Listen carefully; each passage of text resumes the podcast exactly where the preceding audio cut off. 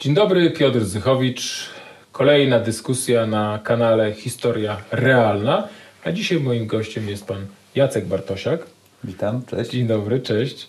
E, człowiek orkiestra, ale przede wszystkim e, specjalista od geopolityki, szef e, think tanku Strategy and Future, którego bardzo Państwu polecam stronę internetową i wszystkie materiały na niej umieszczane.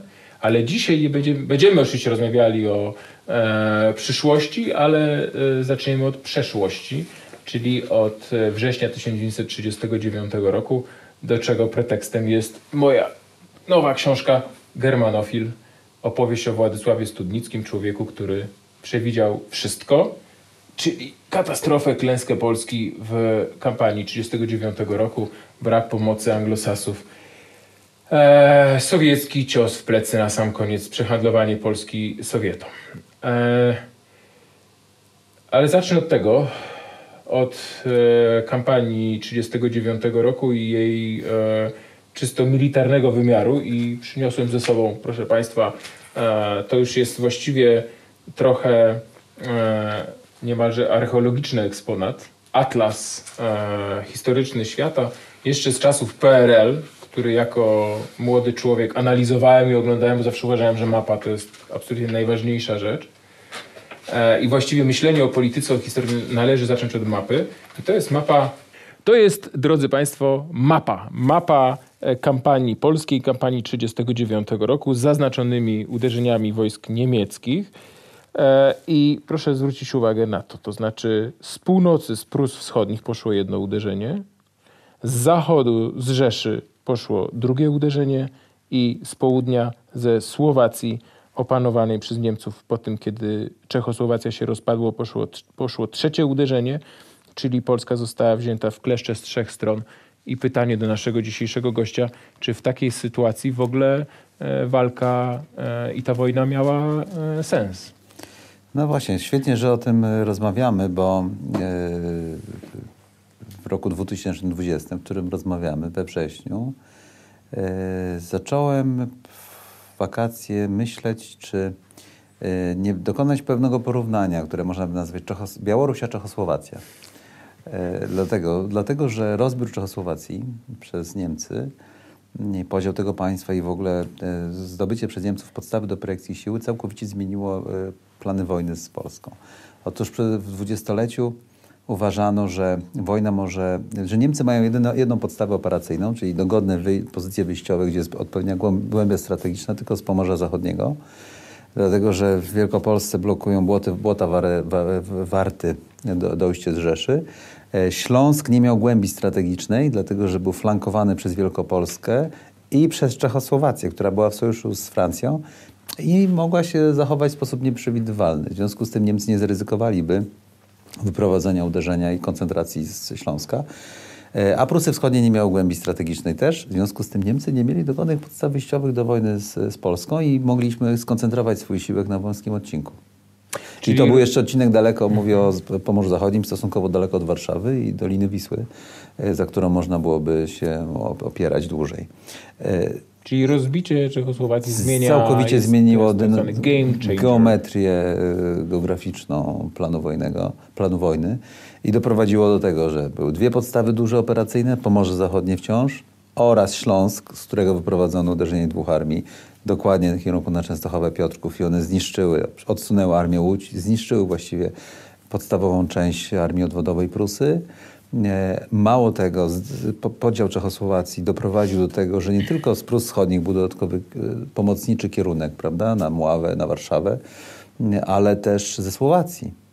I wy- wyprowadzenie uderzenia ze Słowacji zachwiało i zagroziło skrzydleniem armii, armii Kraków, co doprowadziło drugiego dnia wojny do rozpaczliwych e, telefonów czy k- próby kontaktu z naczelnym wodzem dowódcy Armii Kraków e, z prośbą o odwrót. Armia Kraków była najbardziej wysuniętą na wschód armią i jej odwrót pociągnął za sobą decyzję o odwrocie wszystkich wielkich jednostek e, na, za, na wschód od e, Wielkich Rzek, czyli od Sanu i od Wisły. od Wisły i doprowadził do przegrania bitwy granicznej tak, e, przez wojsko. Innymi słowy, sama geografia i rozbiór Czechosłowacji doprowadził do kompletnie niekorzystnego układu geograficznego.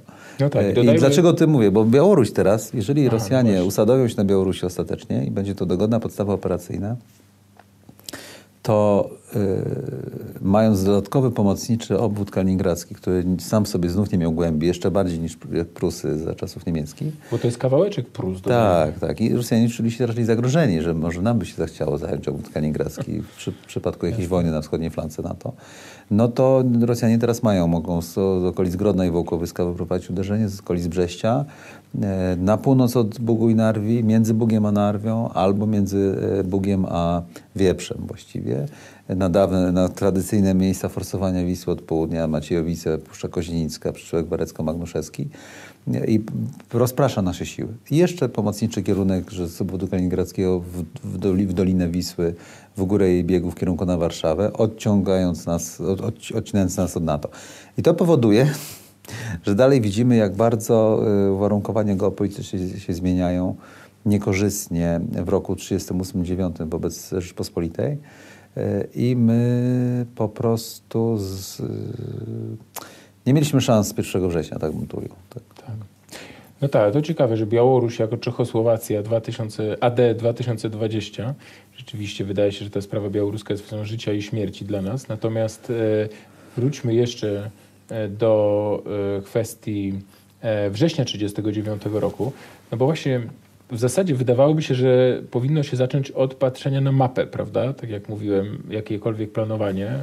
E, no to tak, mamy ten czynnik czechosłowacki, to jest jeden czynnik, który właściwie stwarza e, wojnę polsko-niemiecką, no powiedzmy niemożliwością, prawda? No jakby jej wygranie musiałoby, no, absolutnie z cudem. Abstrahując już od wszystkich innych czynników, czynników siły, jak mówił Studnicki, czyli ilości czołgów, aeroplanów, jak on mówił nieco, e, nieco archaicznie, potęgi gospodarki, przemysłu chemicznego. To jest wszystko, o czym Studnicki myślał, o czym mam wrażenie, że, e, że Niestety kierownictwo państwa polskiego nie bardzo myślało, ale są jeszcze dwa inne czynniki geograficzne. To znaczy, pierwszy jest taki, że alianci są naprawdę bardzo daleko, prawda?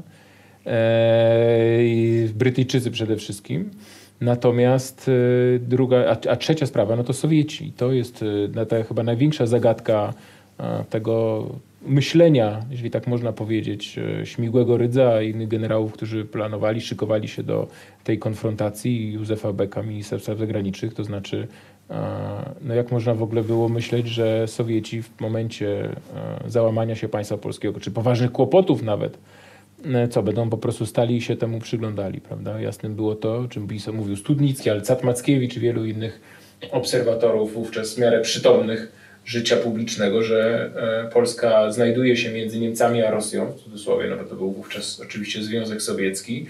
To położenie geopolityczne e, jest niezmienne, no i e, nie można prowadzić polityki polskiej bez uwzględniania czynnika sowieckiego, prawda? Tak, e, spróbujmy odtworzyć rozumowanie Beka i kierownictwa państwa. Popraw mnie, jeżeli wyciągam błędne wnioski, ale wydaje mi się, że rozumowanie było następujące. Hitler jest słabszy niż alianci zachodni, więc blefuje.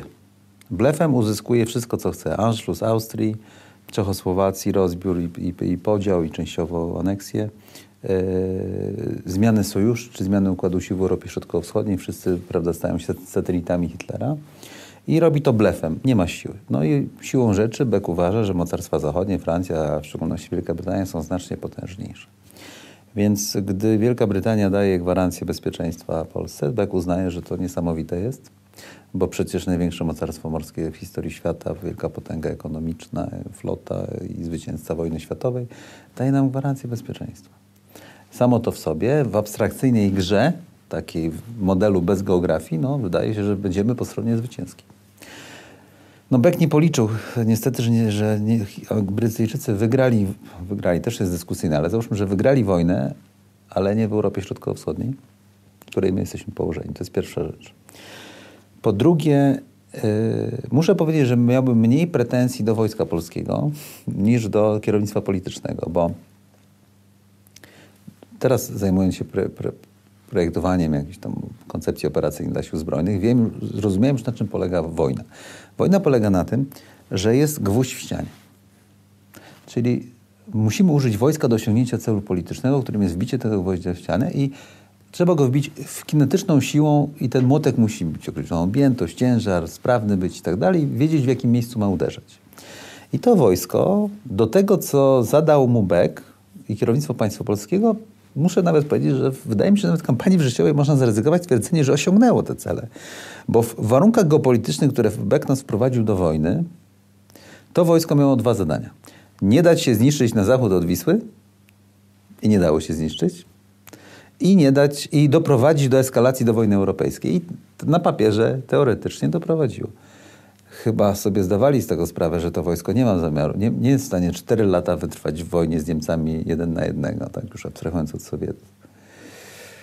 No ale to oznacza, że kalkulacja geopolityczna była zła co najmniej bardzo wadliwa z punktu widzenia odległości Brytyjczyków.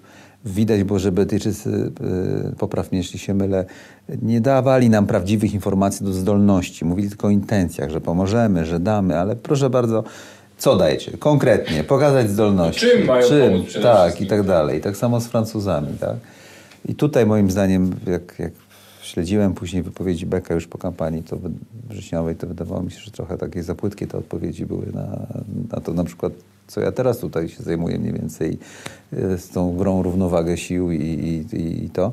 A druga rzecz jest taka, która mnie, która mnie e, poruszyła, to to i jestem ciekawy i twojego zdania, i twojej wiedzy na ten temat. Nieskalkulowanie czynnika sowieckiego a w szczególności niezrozumienie, że w momencie podpisania paktu niemiecko-sowieckiego automatycznie stajemy się przedmiotem gry, a nie podmiotem gry o równowagę, bo to tak naprawdę chodzi zawsze o równowagę w dominacji eskalacyjnej. Kto ustanawia reguły gry w tej części świata, to dla Brytyjczyków stawaliśmy się przedmiotem. Dlatego, że potencjalnym podmiotem stają się Sowieci. I e, paradoksalnie my stajemy się pewnym ciężarem, a zwłaszcza gdybyśmy długo wojowali. Straszne, nie? Tak, ale w grze o równowagę, bo też, trzeba, bo też, trzeba, też trzeba to powiedzieć, że tak, to politycy podejmują decyzje i oni mają nie dostęp do jakichś archiwów, kwitów, tylko oni podejmują w percepcji równowagi, gry, gry sił.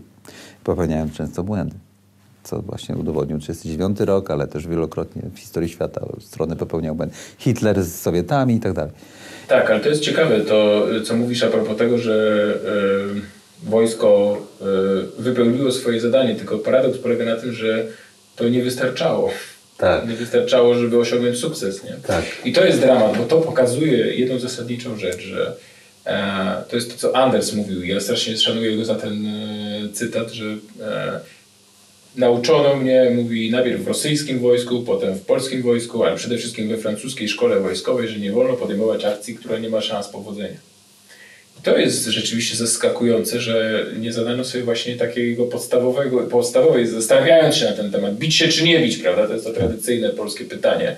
Mieliśmy na stole albo opcję, albo ustępujemy, prawda? To znaczy godzimy się na te propozycje niemieckie czyli zgodę na włączenie Wolnego Miasta Gdańsk, e, autostradę III Rzeszy, klauzulę konsultacyjną, przystąpienie do paktu antykominternowskiego, to wszyscy znamy, no albo właśnie e, stanięcie okoniem i, e, i, i, i rzucenie, i, i walka, z, walka, walka z Niemcami, no, że nie zadano sobie tego zasadniczego właśnie pytania, czy, czy, czy w ogóle mamy chociażby cień powodzenia i czy mamy jakąkolwiek możliwość. Ja osobiście uważam, że I wydaje mi się, że ten dostępny materiał źródłowy potwierdza to jakby intuicja e, taka wielu historyków w tą stronę idzie.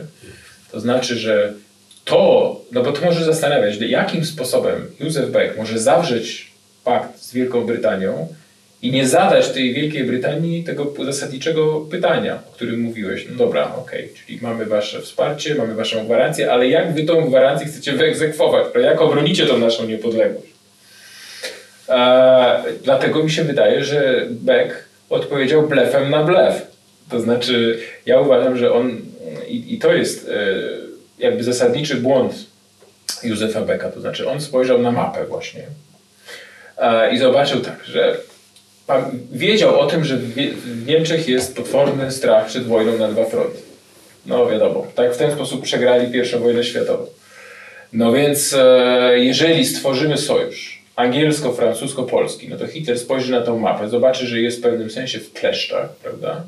I tak rzeczywiście było, że Beck, jest takie słynne jego stwierdzenie, Hitler promenuje tam po Europie tam z kilkunastoma dywizjami, słabi mu ustępują, silni się go, się go boją i tak dalej, i tak dalej. Trzeba tąpnąć, to, tupnąć nogą i on się przestraszy.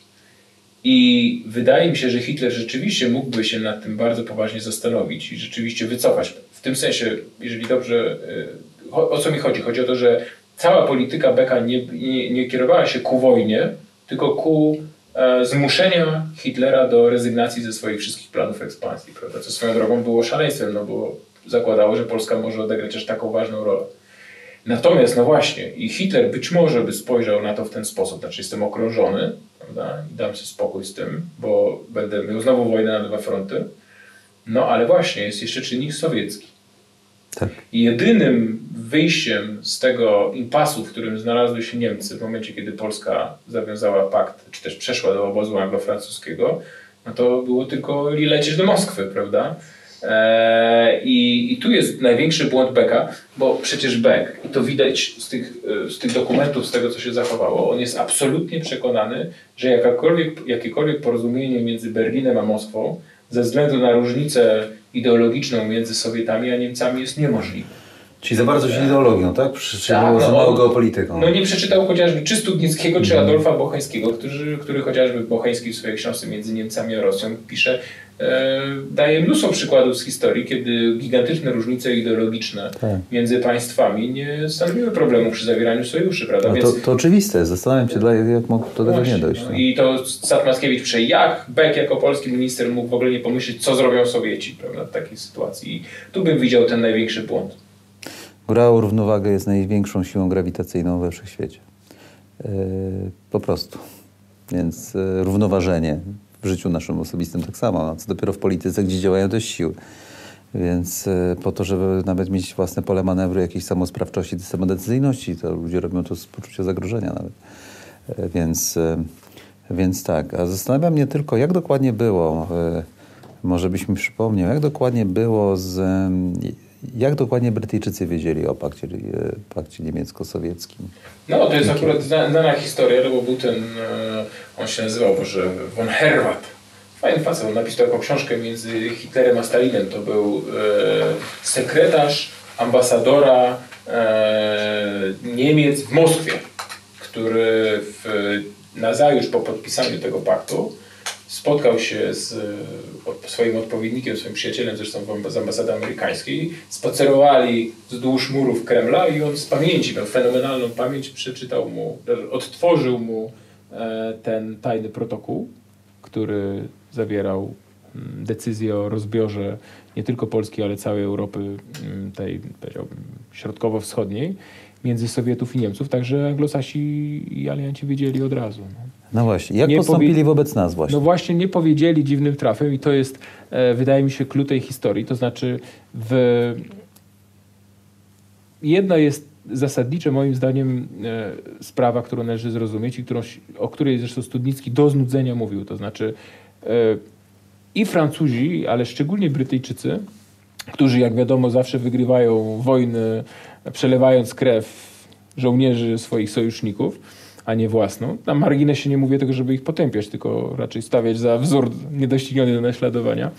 E, no, y, też pamiętali, tak jak Hitler o doświadczeniach I wojny światowej, prawda? I pamiętali, że udało się y, wygrać tę wojnę dzięki olbrzymiemu rzeczywiście poświęceniu, gigantycznej daninie krwi, e, którą włożyła armia rosyjska, prawda? No to wielkie E, te Renenkampfa, Samsonowa, prawda, te wszystkie e, tak. powstrzymane przez Niemców. Sierpień 1914 tak, roku. E, wielkie ofensywy.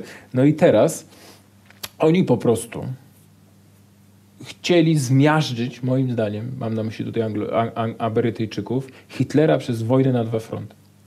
Czyli po prostu chcieli dokładnie powtórzyć tą sytuację i ten scenariusz, który się sprawdził, więc dlaczego nie z I wojny światowej? I musieli sobie zadać podstawowe pytanie. Kto jest tym partnerem do prowadzenia wojny na dwa fronty? Polska, słaba, prawda, no, powiedzmy sobie szczerze, no, nie by było to państwo jak na swoje możliwości przyzwoicie uzbrojone. Armię mieliśmy niezłą, ale nie było to wielkie mocarstwo, którym był Związek Sowiecki. Czy też właśnie Sowieci. E, I ja osobiście uważam, że ta myśl o tym, żeby doprowadzić do wybuchu w jakiś tam sposób, czy żeby ona wybuchła samoistnie wojny niemiecko-sowieckiej, była od początku jakąś kalkulacją, prawda? Znika Polska, e, powstaje na trupie Polski granica niemiecko-sowiecka, co powoduje tarcia. Te tarcia mogą doprowadzić do eksplozji wojennej. I, i zwróć uwagę, że dokładnie to się znaczy, zrealizowało. z powodu dylematu bezpieczeństwa dla Hitlera, to znaczy Hitler ze strachu. Znaczy, pamiętajmy, że to jeszcze był czas przed, prawda, a historycznie mówiąc, y, y, bez Holokaustu, bez tego. W związku z tym przede wszystkim myśleli o równowadze sił i uważali, że wspólna granica i wspólne kłótnie o podział łupów i równowaga pozwoli Brytyjczykom balansować kontynent. I, I, ja tu też wrzucę coś takiego, co nieznane jest w polskiej debacie publicznej. E, otóż był taki sławny geopolityk Nicholas Spikeman, E, amerykański, e, holenderskiego pochodzenia, E, to jest człowiek, którego praca, on umarł młodo, jeszcze w latach 40., mm, na temat podstaw geopolityki świata i według jego pomysłów do, dnia dzisiejszego Departament Stanu jest skonstruowany. Tak? I on napisał taką książkę Amerykańska strategia w świecie w latach w czasie wojny światowej, świeżutko po, po, po, po klęsce naszej wrześniowej w trakcie chyba w 1942 albo 1 roku, gdzie tłumaczył widzenie świata przez anglosasów i dokładnie napisał coś takiego, jak ja pamiętam, o Polsce. To nie jest przetłumaczone nigdy na polski, więc, więc może pozwolę sobie powiedzieć, że otóż w momencie, gdy Niemcy postanowiły wejść na drogę siły, a państwa na wschód od Niemiec były słabsze od, e, Niemie, od Niemiec wojskowo i nie mogły znaleźć oparcia o Sowiety, z którymi graniczyły, stawały się satelitami. E, w związku z tym e, nie mogły Wielka Brytania dać skutecznych gwarancji i danie tych gwarancji doprowadziło tylko do, do rozstrzygnięć szybszych wojskowych na wschodzie i rzeczywiście po, zrobienia wspólnej granicy sowiecko-niemieckiej, co było w interesie anglosasów. I bardzo dobrze, Spikeman tak napisał. Powtórzę, to jest sposób rozumowania. To on mówił o Rimlandzie, Hatlandzie. To według niego Amerykanie później budowali flotę po wojnie światowej i do tej pory myślą amerykańscy strategzy. I e, że była to okoliczność jak gdyby właśnie pozytywna z punktu widzenia możliwości powtórzenia sytuacji z Antantą z I wojny światowej i wprowadzenia Niemcy do pozycji prawda, środkowej z obu stron.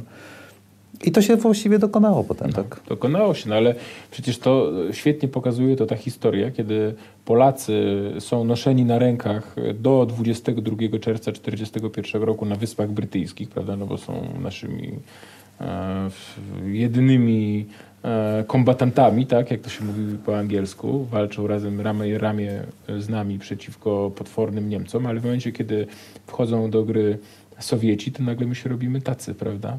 Tak. E, bo trzeba pamiętać o tym, że wojnę z Niemcami wygrał Stalin, prawda, a nie Churchill z Rooseveltem, znaczy chyba 80% e, sił e, Wehrmachtu było związanych na froncie wschodnim. Tam dokonały się największe bitwy pancerne, tam zginęło najwięcej żołnierzy, to i szły w setki tysięcy, w miliony te straty niemieckie. E, no więc te, to, tak się stało. No, Sowiety dysponowały głębią operacyjną, prawda, kolosalną w porównaniu z mimo wszystko niewielką Rzeczpospolitą. E, także, także bez wątpienia myślę, że i są wspominałeś o tym geopolityku amerykańskim, ale też e, brytyjski historyk Simon Newman, który dokładnie przeanalizował właśnie te dokumenty brytyjskie, wskazuje na to, że e, gra właściwie toczyła się o to, żeby skierować uderzenie Hitlera na wschód, prawda?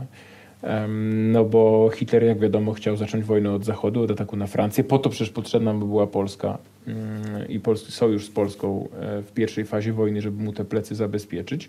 No ale w interesie anglosasów oczywiście było to, żeby to pierwsze potężne uderzenie poszło e, na wschód, na Polskę, no ale nie właśnie z taką nadzieją, że Polska stworzy ten drugi front i będziemy przez cztery lata, Polska będzie przyjmować na siebie potężne uderzenia Wehrmachtu, no bo przecież nikt tak nie przypuszczał. Przypuszczano oczywiście, że e, Sowieci wejdą do gry. I tu jest kolejna sprawa, jak mówimy o polityce Beka, bo e, on jest dzisiaj takim jednym, no chyba głównym bohaterem tej naszej dzisiejszej dyskusji, to jest to, że przecież miesiącach poprzedzających wojnę w 1939 roku y, Francuzi i Brytyjczycy pojechali do Moskwy i prowadzili przecież rozmowy z Sowietami na temat ewentualnego wejścia do koalicji antyniemieckiej. Widać było, że im bardzo na tym zależy. A jak wiadomo, Sowieci postawili te słynne warunki, czyli że chcą wejść na terytorium Polski, Armia Czerwona. Beck całe szczęście się nie zgodził na to, no i te rozmowy padły, prawda? No ale jak Beck mógł przypuścić, że w momencie, kiedy Polska się załamie a, i przestanie się liczyć jej zdanie, prawda, i polskie weto w sprawie wciągnięcia Sowietów do koalicji, to co, to nagle Anglosasi i Francuzi zrezygnują z tej koncepcji e, walki w sojuszu z Sowietami? No przecież to było mrzonka, prawda? I e, na tym moim zdaniem polega też e, rzeczywiście geniusz Studnickiego, który w tych swoich wszystkich e, memoriałach i listach do Beka, które pisał wiosną 1939 roku, pisał w spokojny sposób następującą zasadniczą sprawę. Największe niebezpieczeństwo, jakie wisi nad Polską, to jest e, taka sytuacja, w której my szybko zostaniemy pobici i będziemy pobici, nie miejcie panowie co do tego żadnych wątpliwości. Dojdzie do zawiązania w jakichś okolicznościach sojuszu angielsko-sowieckiego, wymierzonego w Niemcy. I jeszcze nie daj Boże, żeby ten sojusz wygrał, mówił Studnicki, co dzisiaj brzmi oczywiście jak herezja, ale miał świętą rację. Dlaczego? Dlatego, bo mówił, że w momencie, w którym przyjdzie koniec tej wojny, no to trzeba będzie Stalinowi za czymś zapłacić za udział w wojnie z Hitlerem. I czym? No przecież nie Indiami, które mają dla Wielkiej Brytanii realne znaczenie, e, tylko zapłacą Polską, zapłacą Europą Środkową-Wschodnią. Tak, rzeczywiście e, Polska wobec nadchodzącej wojny, tak? Bo to tak, jest ten... Polska wobec nadchodzącej II wojny światowej. Książka skonfiskowana przez, na rozkaz Beka przez policję. Tak, gdy ją pierwszy raz czytałem, czytałem ją kilka razy, byłem pod ogromnym wrażeniem. Właściwie to nawet ciężko złapać e, oddech, jak się czyta. E, też zastanawiające jest to, dlaczego współcześnie wielu osób, które zajmują się stosunkami międzynarodowymi, e, wyobraź sobie, nie czytało Studnickiego albo nie, nie traktuje tego jako spuścizny y, elementarza wiedzy, pewnego takiego y, zestawu podstawowego, y, żeby obycia w, w, w kulturze strategicznej Rzeczpospolitej, tak bym to. Sporo do nadrobienia jest, jeżeli chodzi o kulturę strategiczną Rzeczpospolitej, nawet jeżeli chodzi o czytanie. I Studnicki powinien zajmować wiodące miejsce, tak jak Bocheński nie, i wielu innych zresztą z przedwojnia, zapomnianych zupełnie w wyniku PRL-u, ale też rozliczeń. Ci nasi politycy na tym zachodzie tak zwanym się też kłócili wzajemnie, skakali sobie do gardeł. Mm, ale dwie rzeczy jeszcze chciałem powiedzieć, takie, które e, w takim rozumowaniu Studnickiego e, by znalazły odzwierciedlenie. Nie jestem w stanie sobie przypomnieć, czy też o jednym z nich nie pisał. Już gdzieś to też czytałem, już nie pamiętam, czy u Cata, czy u niego.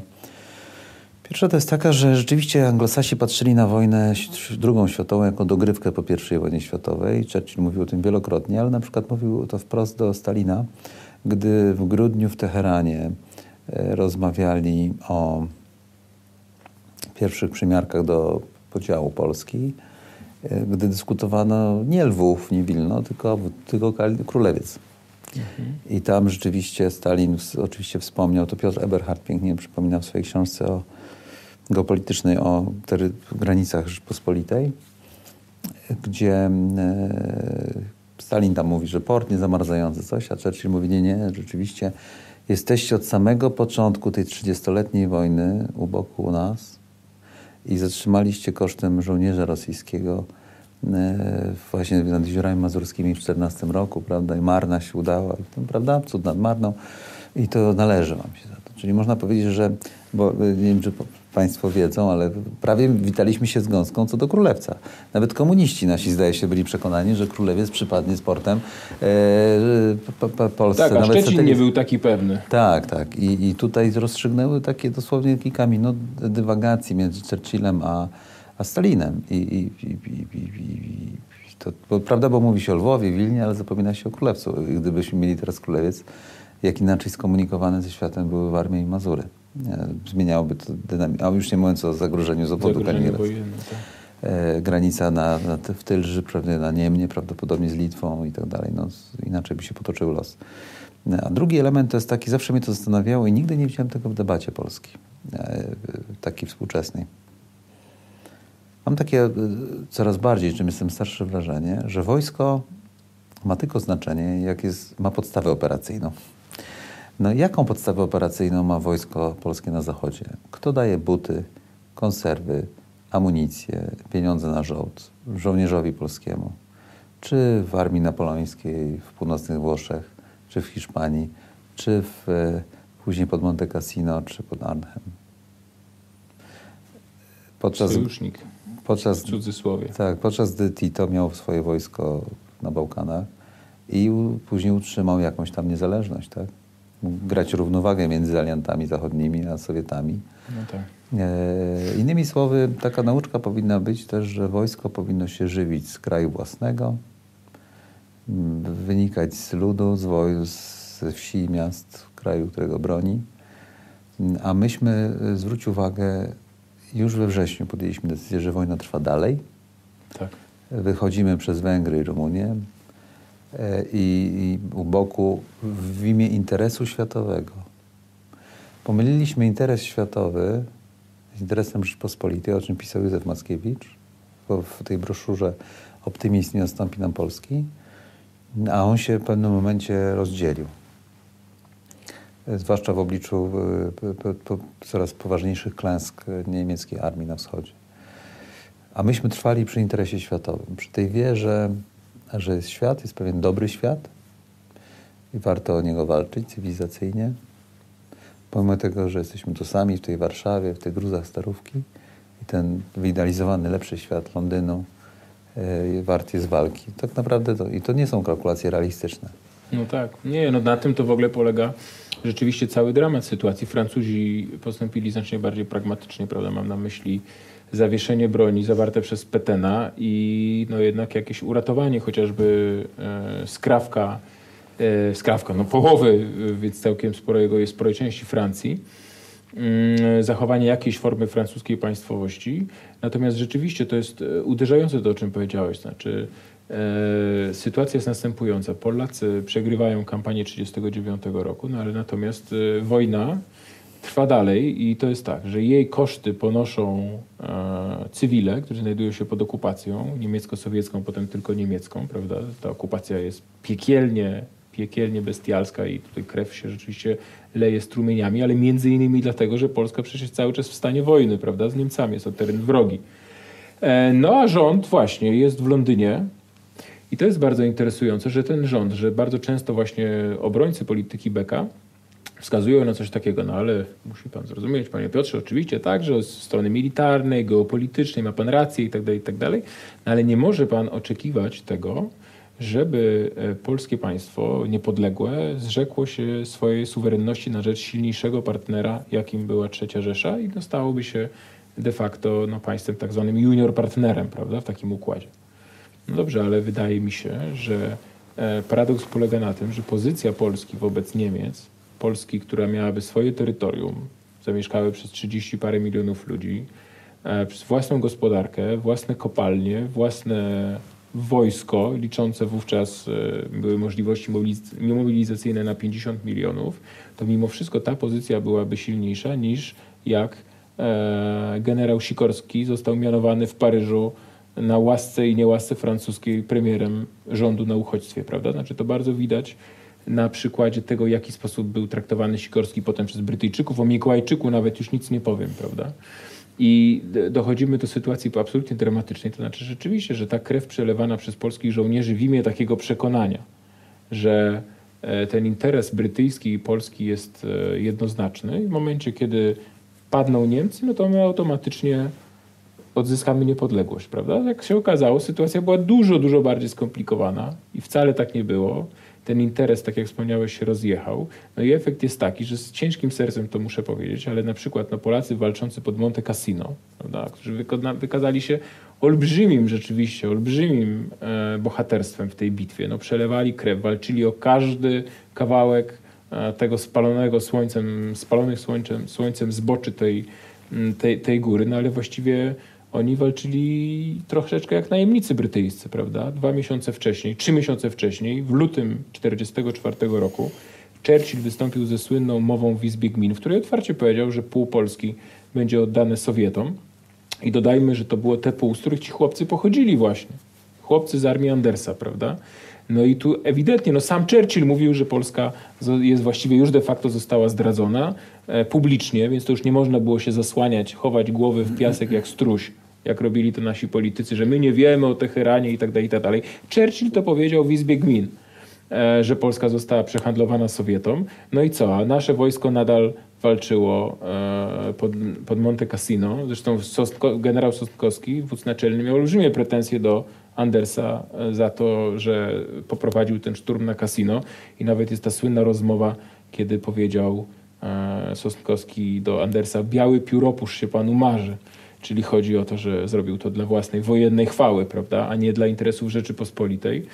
No i tak, ja zgadzam się z tym, że, że, że, że, że nastąpiło tutaj w tych naszych elitach e, występowało i dlatego ten Władysław Studnicki, ten osesek taki jeden, który potrafi jednak pragmatycznie patrzeć, właśnie chłodno, on jest trochę bardzo, e, to jest śmieszne, bo on mówił z nieprawdopodobnie silnym wschodnim, rosyjskim takim niemalże akcentem.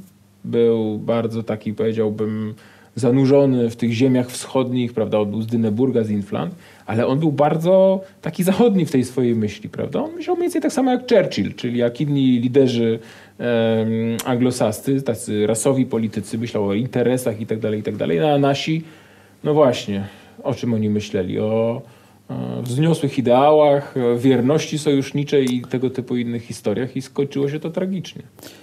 Tak, no rzeczywiście ciężko było się rozstać z, jednak z dokonaniami dwudziestolecia. Wcześniej czynem zbrojnym uzyskali niepodległość. Coś tam można próbować to tłumaczyć, no ale jednak polityków się ze skuteczność. Przegraliśmy wojnę światową i i, i, i, i tyle. No, trzeba sobie zdać z tego sprawę, z konsekwencjami do dnia dzisiejszego. I, ale jeszcze, y, przepraszam, że wtrącę, ale jeszcze jaki, przy jakich straszliwych, bo wojnę można tak. przegrać i przegrać, przy jakich piekielnie potwornych stratach, które mnożyliśmy bez sensu kompletnie przez pięć lat. Tak, ja śledzę to, tę dyskusję, którą wywołałeś swoimi książkami o tym, czy można było z Niemcami i tak dalej. Rzeczywiście z strony ty i, i, i twoi przeciwnicy różne argumenty i, i zastanawiałem się nad różnymi argumentami. Niektóre są mniej poważne i, i, i niektóre bardziej poważne. Z mojej perspektywy rzeczami, które ja się zajmuję, najbardziej poważnym argumentem takim y, opozycyjnym wobec ciebie, dlaczego nie można było rozegrać tego inaczej, jest argument, który można rozważyć, chociaż chyba ostatecznie, a zwłaszcza ostatnio myślę, i tak nie przeważałby na rzecz tych, którzy są oponentami tego rozwiązania. Otóż pojawia się taki argument, y, który chciałbym się podzielić, że nie dało się tego zrobić, bo to Polska byłaby główną osią przemarszu na wschód, prawda, do, do Związku Sowieckiego na wypadku wojny kontynentalnej lądowej. I tak jest, bo rzeczywiście niźna środka była europejska. Zwężenie bląsko-krakowskie, przesmyk Polski, Polska musiałaby być. I że Niemcy, y, y, cytat twojego oponenta, nie mogliby sobie pozwolić na to, żeby nie kontrolować tej przestrzeni. Rzeczywiście, bardziej niż na przykład Dunaj, Dolina Dunaju tak, i Węgrów, mm, ale mimo wszystko to pokazałoby, jak bylibyśmy ważni. Musieliby się jednak liczyć naszym zdaniem, tak jak musieli z węgierskim czasami, albo nawet rumuńskim. Pomimo tego, że później obalali te rządy.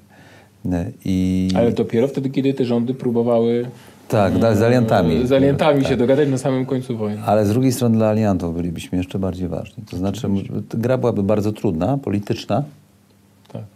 wyrafinowana. Ciężko teraz to wystymulować, tak, jakby to przebiegało. Mhm. E, ale ostatecznie dalej mielibyśmy pole manewru, uważam. Tak którego pozbawiliśmy się. Którego się kompletnie pozbawiliśmy. Natomiast a propos tego argumentu, to oczywiście yy, on ma też swoją drugą stronę. To znaczy wyobraź sobie następujący scenariusz, bo przecież trzeba y, jakby z tego poziomu ogólnej y, teorii, prawda, przejść na poziom szczegółów. Czyli zastanówmy się nad taką sytuacją. Niemcy szykują się do największego absolutnie e, do, do, kluczowej absolutnie kampanii, prawda? Mobilizują y, swoje wszystkie zasoby, siły, ich sojusznicy również, prawda? Czyli zakładam, że no, pewnie państwa bałtyckie, które w takiej sytuacji istnieją, być może Finlandia, Polska przede wszystkim, inne kraje e, Europy bardziej na południe, południe położone od Polski też. E, no i co? I e, te armie rzeczywiście niemieckie e, szykują się do tego ataku. W tych planach, a przecież znamy z książki Rolfa Dietera Millera, czyli tego oficjalnego historyka Bundeswehry obecnie, z tego co wiem, czyli szefa miejscowego wojskowego biura historycznego niemieckiego, który napisał swego czasu książkę o tych planach niemieckich wojny z Sowietami, w których dla tych polskich sił, i to były robione plany Wehrmachtu, były bardzo konkretne zadania, prawda? Mówimy przecież o 30, 40, a mobilizacyjne możliwości polskie były 50 dywizji. No i co? I teraz, jak rozumiem, wszystko to się zbliża do tego wielkiego rozwiązania a, i Hitler urządza sobie piekło dosłownie w Polsce, atakując swojego najważniejszego sojusznika, opanowując Polskę, narażając się po prostu na walkę, przecięcie wszystkich linii komunikacyjnych, rozwalenie całego tego planu, no przecież wówczas doszłoby do jakiejś jatki kompletnej, prawda, na terenie Polski. Oczywiście można sobie to wyobrazić, ale ja uważam, że ten argument też, że, że bardziej on jest trafny, nie w odniesieniu do momentu uderzenia na Sowiety i przygotowań do niego, tylko raczej y, pytanie zasadnicze, co by było po pobiciu tych Sowietów, prawda? No i czy wówczas na przykład Niemcy nie próbowaliby, nie doszłoby do jakiejś konfrontacji polsko-niemieckiej, ale tu paradoks polega na tym, że tak jak powiedziałeś, Polska nie byłaby już wówczas tylko zastępczą e, Rosją, jak to nazywali nas Francuzi, prawda? No bo przez cały sojusz z Polską był oparty na tym, że Francja, że Rosja wypadła trochę z gry, po roku 18, prawda? No i Francja z braku laku musi się oprzeć na Polsce w tej części Europy. No bo gdyby nie było Związku Sowieckiego, prawda, który zostałby pobity w takiej wspólnej wojnie europejskiej e, Polski, Niemiec, pewnie też Japonii, e, no to wówczas rzeczywiście Polska, nawet gdyby doszło do takiego konfliktu z Niemcami, byłaby w tyle lepszej sytuacji, no, że nie było Związku Sowieckiego, prawda? Więc nie mogłoby być porozumienia niemiecko-sowieckiego, ale y, trochę nie ukrywam, że to miało być clue naszego dzisiejszego programu. E, y, chciałem ostatnie pytanie Ci zadać, trochę już uchyliłeś rąbka tajemnicy ale to jest e, ciekawe, no bo w końcu rozważania, co by było, gdyby e, na temat tych alternatyw września, które są, wzbudzają tak wielką e, emocję opinii publicznej, słusznie, bo to była wielka katastrofa i należy szukać. I największa wojna, w której braliśmy udział. Największa wojna, w której braliśmy udział, ale też największa klęska, jaką, jaką ponieśliśmy i, i bez wątpienia to pytanie, czy dało się tego uniknąć, jest uzasadnione i ciekawe na, do wyciągania wniosków z przeszłości. Otóż Jacek Bartosiak przynosi się w czasie przy pomocy e, super nowoczesnej maszyny czasu, jest doradcą Józefa Beka, albo wręcz e, możemy sobie nawet dalej posunąć nasze wyobrażenia. Jest ministrem spraw zagranicznych Rzeczypospolitej Polskiej w roku 1938-1939 i jak byś to rozegrał? Bo no, krytykowaliśmy to, to teraz. Bardzo dość... trudne pytanie, postaram się zaraz to zrobić, ale jeszcze chciałem tak adwocem, dobrze? Jedno zdanie okay. powiedzieć. Otóż rzeczywiście w kodzie kulturowym, strategicznym naszym, decydentów również współcześnie, i to widzimy, jest zawsze oparcie się o ocean światowy. Więc e, na przykład to, jak przed chwilą opowiadałeś, żebyśmy poszli z, Niemcami na wschód, to już samo w sobie jest sprzeczne z kodem kulturowym.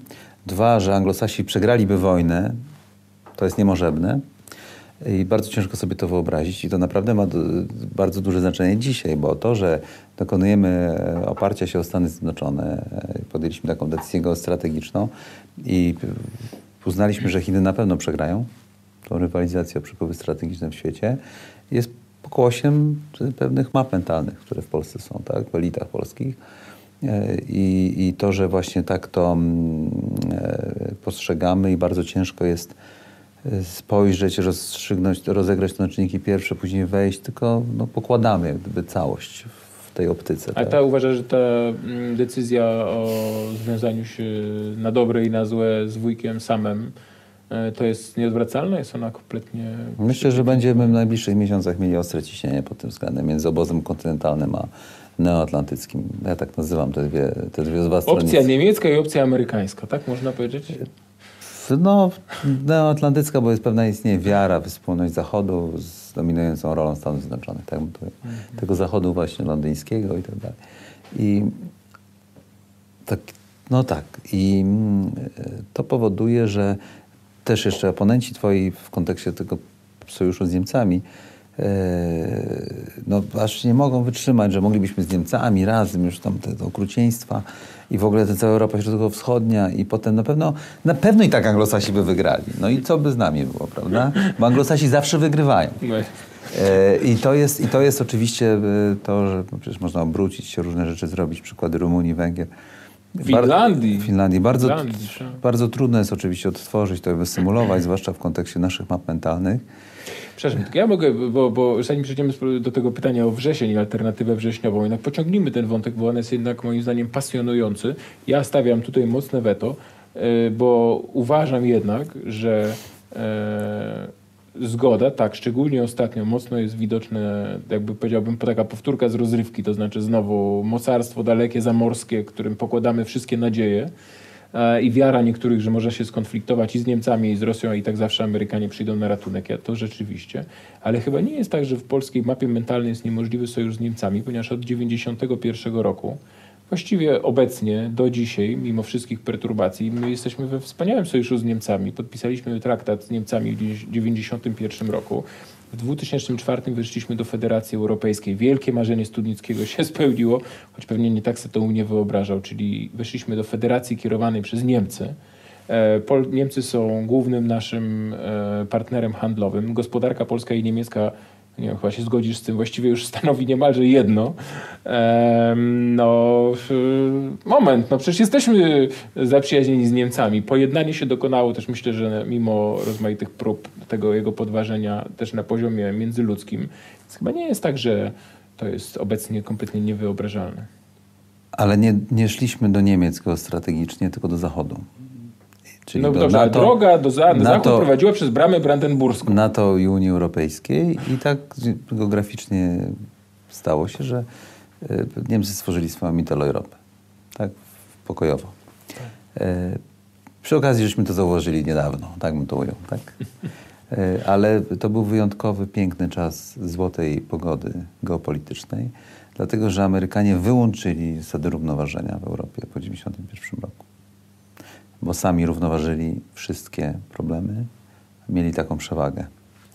Więc nie czuliśmy, mało tego chyba większość z nas uwierzyła, że nie będzie już nigdy zasady równoważenia. Będziemy mieli zasadę idealistyczną w stosunkach międzynarodowych, co najwyżej konstruktywistyczną, że Amerykanie równoważą wszystkich i dają 10 przykazań do wykonywania. I, i, i jak wykonują, to jest pokój, rozwój, globalizacja. Mhm. I to akurat wtedy przy okazji w ramach tego mita Europa się stworzyła, bo Niemcy prawda, są najsilniejsi, ale nie było równoważenia w wyniku zagrożenia poczucia bezpieczeństwa albo poczucia konkurencyjności rynków, tak jak było w tamtych czasach. A teraz się te czasy kończą. E, Czyli co, będziemy Wracamy do wyboru między Niemcami a Ameryką? To nie jest już tak, że to jest jeden układ? Jeżeli Niemcy podejmą decyzję wraz z Francuzami o budowę strategicznej samodzielności Europy, to będziemy mieli wybór zerodynkowy. No dobrze, ale Tylko Niemcy nie ma... opowiedzenie się wtedy po stronie Stanów Zjednoczonych obdarzone jest wtedy kolosalnym ryzykiem. Zależy, jak patrzymy na rozwój techniki wojskowej oraz e, obecności. Problem polega na tym, że w przeciwieństwie do tamtych czasów, gdzie wszyscy mieli siły zbrojne i w grze o równowagę mogli brać udział, bo Hitler odbudował swoje siły zbrojne, których nie miał wcześniej, zachodnia Europa jest bezzębna w tej chwili. No, Niemcy, ale na Francuzi, z Francuzami nie, i Brytyjczykami nie jest ale chyba siła, tak źle. Ale siła, broń nuklearną. Tak, ale nie działa to w Europie Środkowo-Wschodniej, bo w drabinie Macron tak mówi, ale nie działa. I w, w, w drabinie eskalacyjnej z Rosjanami Rosjanie nie będą kalkulowali. To znaczy nie, niewiarygodne są gwarancje francuskie, ewentualne nuklearne dla Polski, tak bym to jął. A to powoduje, że jest próżnia bezpieczeństwa, jeżeli Amerykanie by odchodzili. I stąd nasz rząd bardzo łatwo w związku z tym polega na Amerykanach, bo rzeczywiście wydaje się, że jednak w tej chwili decyzja oparcia się o Stanach Zjednoczonych mimo wszystko jest oparta, pomimo tego, że może się to okazać i tak złudne, na mądrzejszych przesłankach, na bardziej jakichś sensownych, niż wtedy na Brytyjczykach. O tak, coś takiego. Aha, jasne, tak. jasne. Bo, bo, w e, zasadzie no jest jakaś taka nasuwająca się analogia, kiedy myśli się mm -hmm. o mhm. Studnickim, myśli się o 30-39 roku, no to Studnicki mówi e, i, i dzisiaj między innymi ja, ale też inni jakby kontynuatorzy tego myślenia o, o polityce, no że właściwie są dwie opcje realne opcja niemiecka i opcja rosyjska i jedna fantastyczna opcja oparcia się na dalekim, odległym mocarstwie i że właściwie polityka oparcia się na Stanach Zjednoczonych jest prostą drogą do powtórki września 1939 roku i zawodu, jakiego tak. doznaliśmy od Francji i Wielkiej Brytanii i pytanie, czy zgadzasz się z taką? E, nie, nie do końca. E, to znaczy, może się okazać, że będzie to prawdą, tak bym to ujął, Ale nie musi. A natomiast w grze percepcyjnej jednak nie Amerykanie poprzez projekcję, zdolność do projekcji siły globalną, e, uderzenia na duże odległości, zdolności kosmicznej oraz jakby nie było przewagę nad całą Europą Zachodnią, mogą z, z, samodzielnie podjąć, subiektywnie, dyskrecjonalnie, że jednak coś tam nam pomogą, a przeciwnik może się mieć zagwozdkę, czy nam pomogą, czy nie. I to samo w sobie jest lepszą sytuacją niż w tamtym 39. Ale może się okazać, że za mało. I dlatego my w Strategy Future, przepraszam, tak tu już prawie kryto reklama, staramy się mówić o tym, że musimy mieć własne zdolności, żeby zagrać w grę równowagę i trzeba uważać, żeby nie przegrzać, bo generalnie być może bezpiecznie będzie z Niemcami, ale staramy się sami to zrobić różnymi projektami, wysymulować to, to, bo to jest trudno do wyliczania. I nadchodzi taki czas, że czas, który ja nazywałem czas adopcji strategicznej, że Zachód za nas rozstrzygał takie kwestie. Tak, teraz musimy już, jesteśmy już nie malutkim, dzieckiem, tylko trzeba dorosnąć. No tak? właśnie, bo przy, co, przynajmniej 1939 czuli się dorosłymi, chociaż podjęli decyzję, a teraz niestety zbyt bardzo nasze elity uważają, że staliśmy zaadoptowani i niech ten Zachód podejmie za nas decyzję. Decyzję tak. I to jest, czyli troszkę się, jest inna sytuacja. Zachód może się podzielić. Ja, ja ogólnie rzecz biorąc zgadzam się z tym, natomiast jednym założy, za, zastrzeżeniem, a tośmy dyskutowali, zdradzę Państwu wiele razy w podgrupie dwuosobowej na ten temat, no, że może się okazać taka sytuacja, że w sytuacji tego konfliktu chińsko-amerykańskiego, który teraz obserwujemy, Amerykanie mogą mieć po prostu prostu inne sprawy no tak. na głowie niż akurat... Mogą e, przegrać, kochani, o czym w Polsce nie wierzymy. Abstrahując od tego, ale w ogóle samo zaangażowanie Stanów Zjednoczonych od tego zacząć może oznaczać to, że nagle w to, co wierzymy, czyli że Amerykanie tak nas kochają strasznie, mamy common values, tak? To się tak, tak teraz mówi, tak. inne tego typu bzdety, bo trzeba tak to nazwać. E, może jednak okaże się, że mają ważniejsze sprawy do, na głowie niż akurat e, Polska. No i albo e, mogą potrzebować Rosji. Ale no i właśnie do tego, do tego chciałem zmierzyć, znaczy i to będzie powtórka z kolei z Jałty, to znaczy zagrożenie oczywiście jest takie, od razu to powiedzmy jasno, to znaczy w której też trzeba było pozyskać e, Rosję do walki z Japonią, wówczas ówczesnym kandydatem do hegemonii na, e, w Azji, w, da, w dalekiej Azji. No i wówczas, kiedy była taka potrzeba skłonienia Stalina do zaatakowania armii kwantuńskiej na terenie Chin, no to Europa Środkowa-Wschodnia okazała się mniej ważna. I to jest to, czego się boję. Sekretarz Pompeo już był pytany oficjalnie o to przez dziennikarza. Co takie... powiedział? E, w ostatnich miesiącach Amerykanie robią wszystko, żeby nie zantagonizować sobie Rosji. I też e, na przykład sekretarz e, obrony Esper miał wczoraj, bo wczoraj przemówienie i nie padła, padła raz Rosja, kilkanaście razy Chiny, a Trump w ONZ ani razu nie wspomniał Rosji, a Chiny, Chiny, Chiny.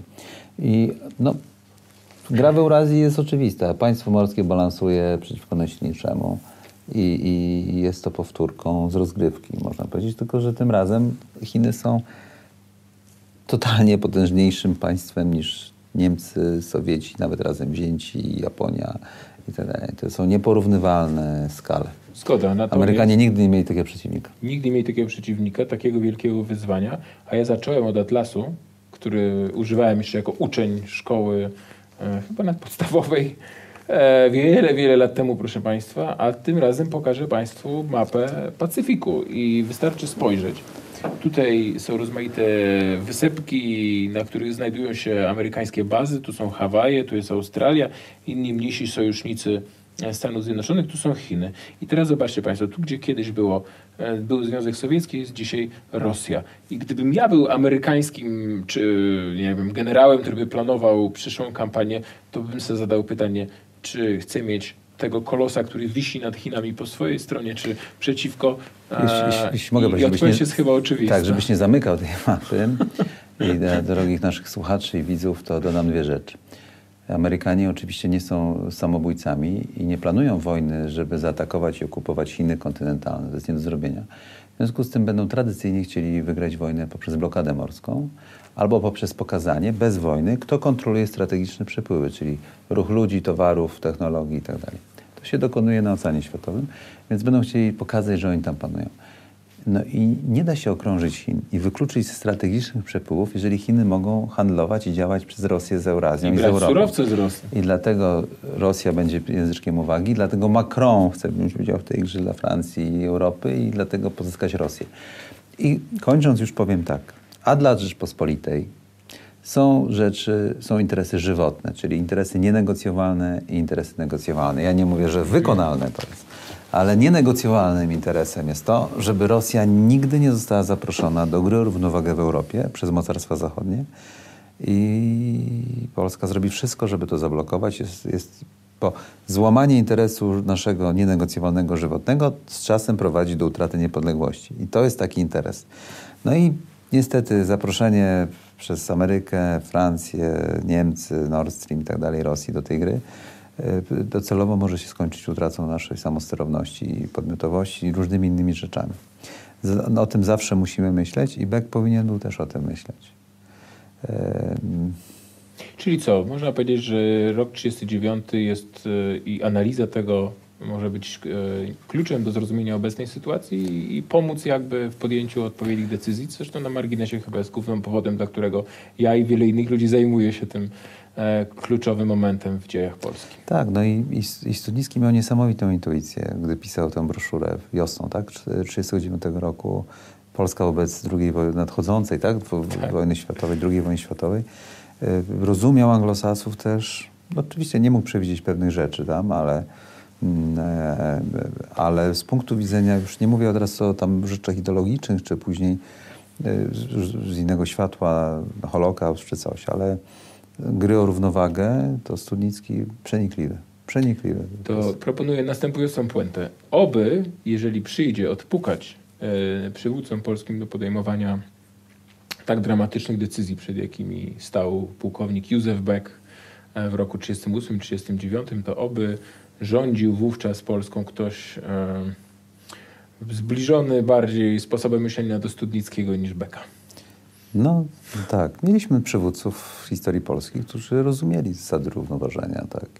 To, Trzymajmy kciuki, żeby z kolejnej opresji państwo polskie wyszło e, lepiej niż z tej w 1939 roku. Drodzy Państwo, dziękuję bardzo za obejrzenie naszej dzisiejszej dyskusji. Moim gościem był pan Jacek Bartosiak, szef Strategy and Future. E, ja nazywam się Piotr Zychowicz, a to jest kanał Historia Realna na YouTubie. E, polecam Państwu Germanofila, moją nową książkę oraz wielka prośba, subskrybujcie kanał Historia Realna.